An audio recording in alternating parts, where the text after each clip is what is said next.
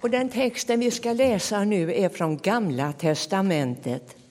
Andra Mosebok, kapitel 24 och verserna 3 till och med 11. När Mose kom och underrättade folket om vad Herren hade sagt och om alla hans stadgar svarade alla med en mun. Allt vad Herren har sagt vill vi göra. Sedan skrev Mose ner allt vad Herren hade sagt. Tidigt nästa morgon byggde Mose ett altare nedanför berget och reste tolv stenstoder för Israels tolv stammar. Därefter gav han några unga israeliter i uppdrag att offra brännoffer och slakta tjurar som gemenskapsoffer åt Herren. Mose tog hälften av blodet och hällde i skålar och hälften stängde han på altaret. Så tog han förbundsakten och läste upp den för folket.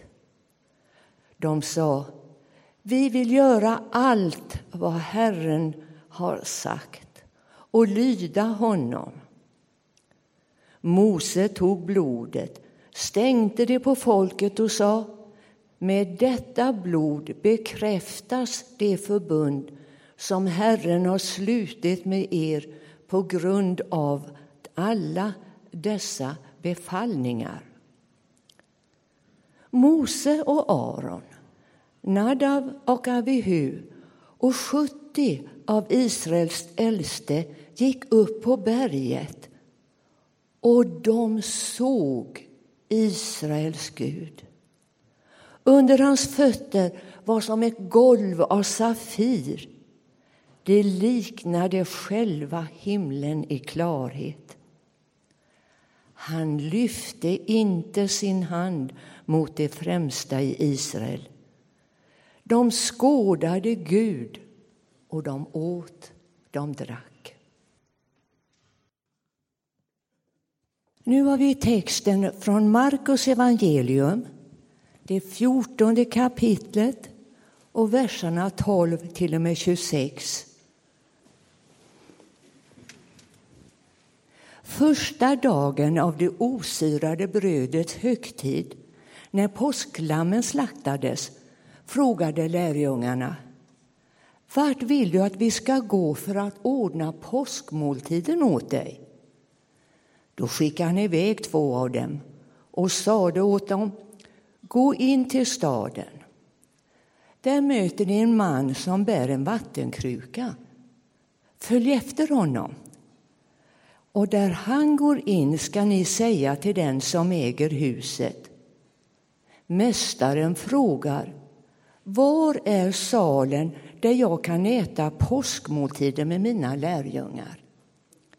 Då visar han ner till ett stort rum i övervåningen som redan står färdigt. Där ska ni ordna för oss. Lärjungarna gav sig iväg och när de kom in i staden fann de att allt var som han hade sagt och de ordnade för påskmåltiden. På kvällen kom han dit med de tolv. Medan de låg till bords och åt sade Jesus Sannerligen, en av er kommer att förråda mig, han som äter med mig. Då blev de bedrövade och frågade honom, den ene efter den andra. Det är väl inte jag? Han svarade, det är en av de tolv. Han som doppade i skålen tillsammans med mig. Människosonen går bort som det står skrivet om honom. Men vid den människa genom vilken Människosonen blir förrådd. Det hade varit bäst för den människan om hon aldrig hade blivit född. Medan då tog han ett bröd, läste tackbönen, bröt det och gav åt dem och sa Ta detta, det är min kropp. Och han tog en bägare, tackade Gud och gav åt dem och de drack alla ur den.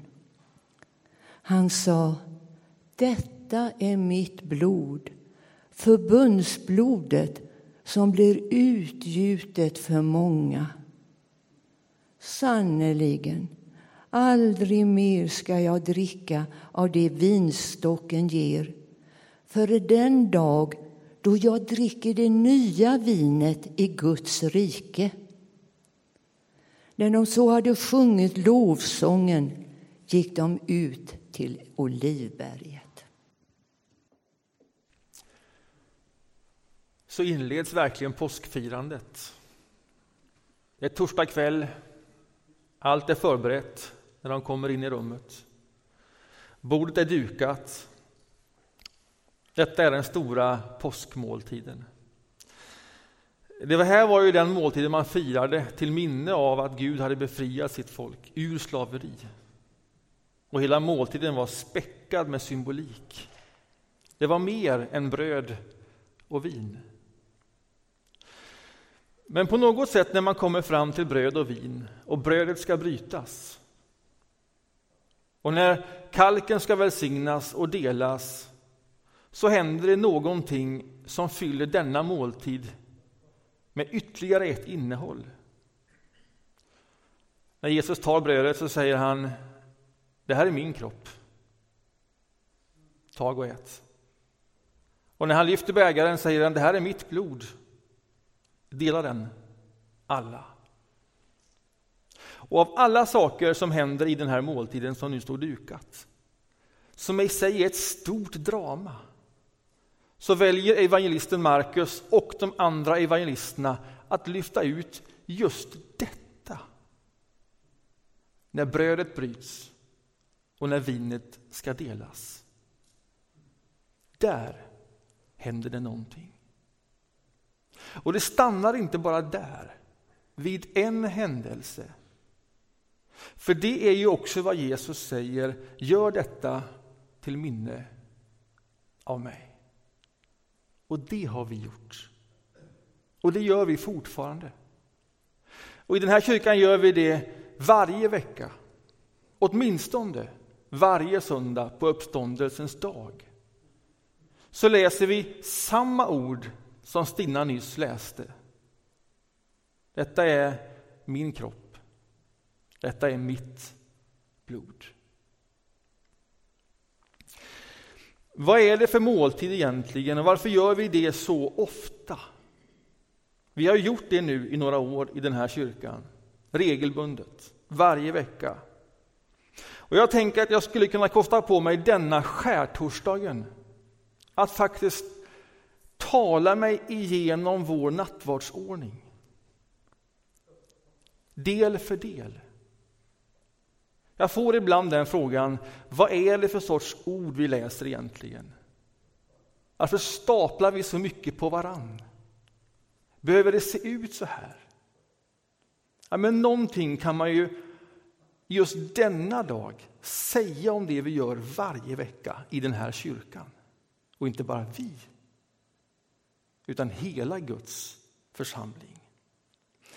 Ifrån Gamla testamentet, som vi läste, så fanns det ett uttryck.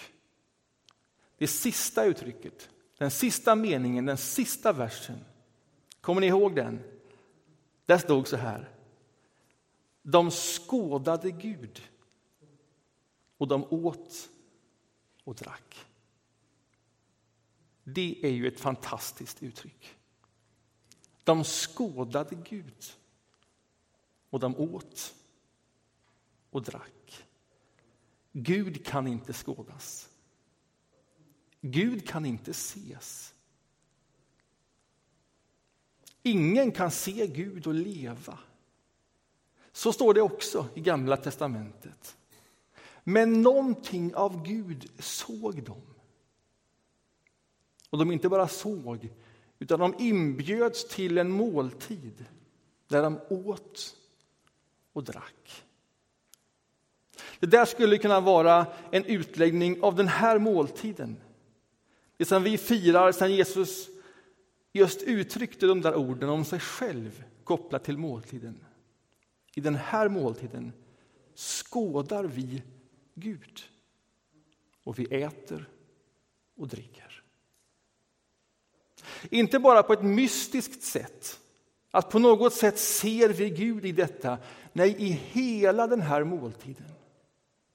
I alla de ord som vi ber, i de bibeltexter som vi läser i det vi gör, att vi tar emot brödet och vinet och äter det, i hela detta dramat kan vi sammantaget skåda Gud. Vi ser vem Gud är genom sin son Jesus Kristus. Vi ser det tydligare än vad de gjorde. Vi kan skåda Gud. Nu kan vi det. Och vi kan göra det genom Jesus Kristus. Och ingen annanstans blir Guds ansikte och person så tydlig som just i måltidens budskap och förkunnelse. Där rymmer allt. Där rymmer det mest centrala i den kristna tron. Och Det är därför vi återkommer dit varje söndag, åtminstone en gång per vecka. Du hittar inget mer centralt, koncentrerat om kristen tro än det vi är med om i den här måltiden. Det finns en gammal kyrkofader. Han heter Irenaeus av Lyon. Han levde på hundratalet. Han är liksom nära lärjungarna. Johannes lärjunge, den som Jesus älskade, hade i sin tur en lärjunge Polycarpus som i sin tur hade en lärjunge Irenaeus. Så vi är nära i tid. Och Irenaeus han var en av de första som formulerade kristen tro, försökte få ihop detta. Vad är verkligen specifikt kristet? Vad är kärnan? Och detta innan man hade samlat ihop allting det som vi tar för givet i en bibel. Och då var det viktigt att komma nära kärnan. Vad sa Johannes? Vad hade han hört Jesus säga? Det var viktigt att komma nära, nära, nära källan i sina ordningar. Och när han talar om nattvarden då säger han så här, vårt sätt att tänka, det vill säga vad vi tror, stämmer överens med nattvarden. Det vill säga det vi gör.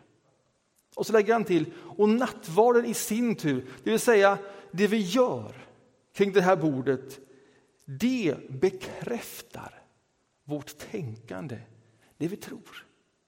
Detta var viktigt för honom.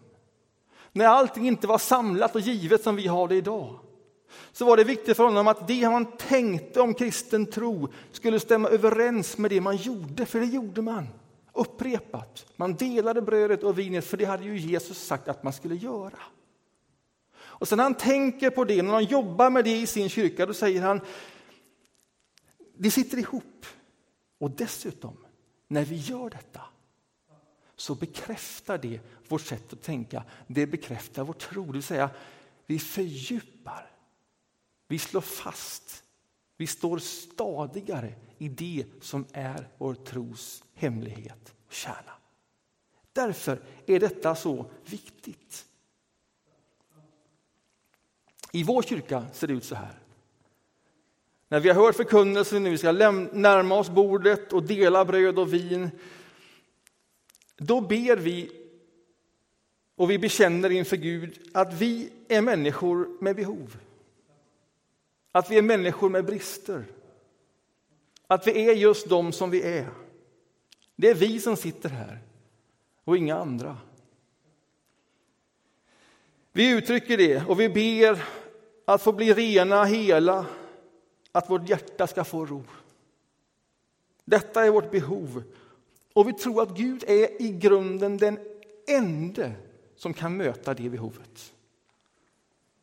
Det är därför vi ber. Och när vi har bett det, då påminner den som leder nattvarden om orden ifrån Johannes brev. Ordagrant citerar vi Johannes för att verkligen komma nära källorna. Om vi bekänner våra synder är Gud trofast och rättfärdig så att han renar oss från all orättfärdighet. Och när vi har påminn oss om det, när vi har sagt vårt amen till det, då tackar vi Gud för att vägen till honom alltid är öppen genom Jesus Kristus. Och idag ska vi sjunga Tacka Gud, ty han är god. Hans nåd varar evigt. Här är vi våra behov och Gud möter oss eftersom han är god och hans nåd varar evigt. Och när vi har påmint oss om det, då den som leder nattvarden leder församlingen inför Gud i tillbedjan. Det är då vi står upp. Och sen tackar jag Gud för hans son. Det står så här i de gamla ordningarna, någonstans i den tidiga kyrkan, att när man kommer hit och föreståndaren ska be nattvardsbönen, då ber han bönen så länge som han har ork. Så om man tycker att vi ber länge, så har vi kortat det betydligt. Jag skulle kunna orka mer. Men jag ber ändå med några ord och jag leder oss som församling inför Gud i tillbedjan eftersom Gud är god och hans nåd varar evigt. Det är makalöst. Det är inför den Guden vi nu står. Det är detta som får oss att tillbe. Och inte bara vi, utan när vi tillber Gud på detta sätt så gör vi det tillsammans med Guds trogna i alla tider och med hela den himmelska härskaran. Vad är det som sker nu? När de gamla profeterna, som vi har läst i den här veckans läsningar, när de får en uppenbarelse av Gud. Jesaja, Jeremia, Sekel, vad är det de ser? När de skådar Gud, då skådar de någonting som de har svårt att riktigt få fatt i beskrivningen, någonting storslaget som omges i en pågående lovsång. Och den pågående lovsången den innehåller alltid ett helig, helig, helig. Och man flyttar fram till Bibelns sista bok när Johannes får sin uppenbarelse och får en sorts inblick i vad som pågår kring tronen. Så är det samma sorts lovsång. Helig, helig, helig. Det där är ett uttryck för att verkligen tala om att någonting är heligt. Ni vet, Jesus han säger ju ibland när han verkligen vill ha lyssnarnas öra, inte bara sannoliken, utan sannoliken, sannoliken, jag säger dig.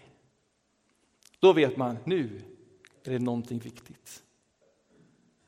Och kring Guds tron sjungs helig, helig, helig. Detta är Guds väsen. Och Paulus han säger om oss, alla vi som har dött och uppstått med Kristus. Att alla vi lever ett osynligt liv med Kristus hos Gud. Och när vi lever ett osynligt liv med Kristus hos Gud, denna Kristus som sitter på Guds högra sida, när vi lyfter upp våra hjärtan dit, när vi är i tillbedjan inför tronen, så deltar vi i den pågående lovsången av Gud. Det är som om vi går ur vår tid och in i en annan tid. Och liksom Jesaja, och Jeremia, och Johannes och andra, när de får liksom en blick på vad som pågår där, så får vi den sortens blick när vi nu tillber Gud. Och så stämmer vi in i denna himmelska lovsång. Helig, helig, helig är Herren Seba ot. Vi tackar honom för att han sände sin son som dog och uppstod i vårt ställe.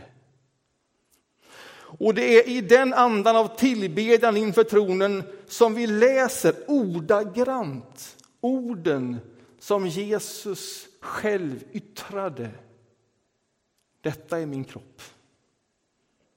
Dela den emellan er. Detta är mitt blod.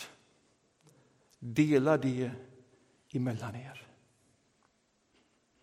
Och sen när vi har gjort det, vi har påmint oss om hans ord, då kommer uttrycket detta är trons mysterium och det kan man ju fundera över, vem har kommit på ett sånt konstigt uttryck?